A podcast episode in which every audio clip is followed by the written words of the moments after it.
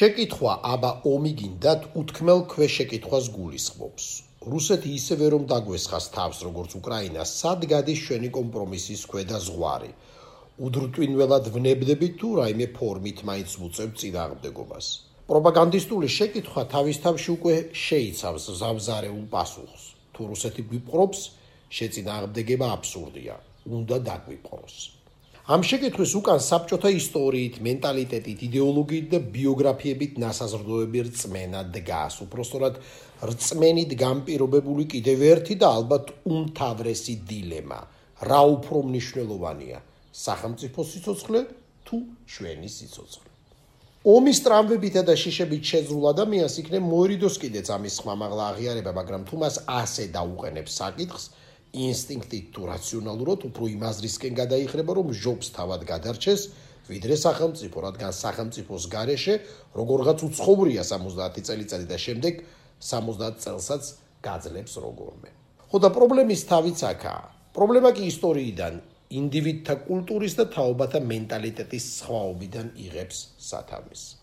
იმათვისაც საბჭოთა დროს უცხოურია მკვდარი სახელმწიფოს პირობებში, რადგან ისტორიულ პოლიტიკურად საქართველოს მკვდარი იყო, ხოლო ქართველი რუსად მიიჩნეოდა ისტორიისთვის და ვისი მენტალიტეტიც ამა თუ იმ ფორმით დღემდე კოლონიალური სინდრომით არის დასნეულებული, ასეთებს დიდ პრობლემას სულად არ მიაჩნიათ სახელმწიფოს ნაცვლად რუსეთის ეთნოგრაფიულ პროვინციაში ცხოვრება, რადგან რატომ უნდა იცოცხლოს სახელმწიფო, თუ კი მისი სიცოცხლე მათ სიცოცხლეს შეუქმნიდა საფრთხეს.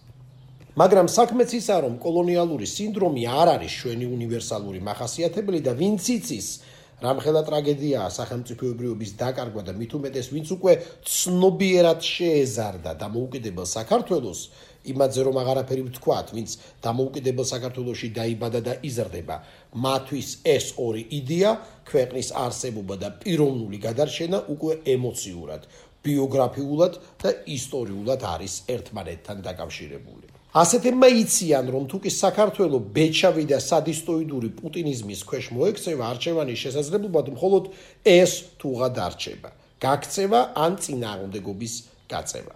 რადგან უკრაინის მაგალითით ნათლად გამოჩნდა რომ პუტინის რუსეთი ადამიანის სიცოცხლესთან არის შეუთავსებელი. და ამიტომ 24 თებერვლის მერე უკრაინაში თავში აღარც არავის მოუვა ამგვარ დილემაზე დაფიქრება, არსებობს თუ არა არჩევანი სახელმწიფოსა და მოქალაქის სიცოცხლეს შორის, რადგან მოქალაქე გადარჩება თუ კი გადარჩება მისი სახელმწიფო. ყოველ შემთხვევაში პირობითად ახალი თაობისთვის ასეთი არჩევანი აღარ არსებობს. ახალი თაობა ცალსახად ვეღარ ხედავს თავს კოლონიალურ პირობებში, რადგან ეს ეპოქა ამბიციური თავისუფლების ეპოქაა. და ვინც სხვანაირად ფიქრობს და მომავალს წარსულის პერსპექტივით უყურებს, ის უკვე საშილად ძველი და საშილად საფათოა. თანამედროვე საქართველოს ახლა ძველი მენტალიტეტის დომინაციის წვეობაშია. რადგან მისი მართველი არა მართველი ოლიგარქი ისტორიულად და ბიოგრაფიულად არის გუშინდელი დღის კაცი. და თან არა ქართულ საბჭოთა გუშინდელი დღის, არამედ რუსული 90-იანების გუშინდელის.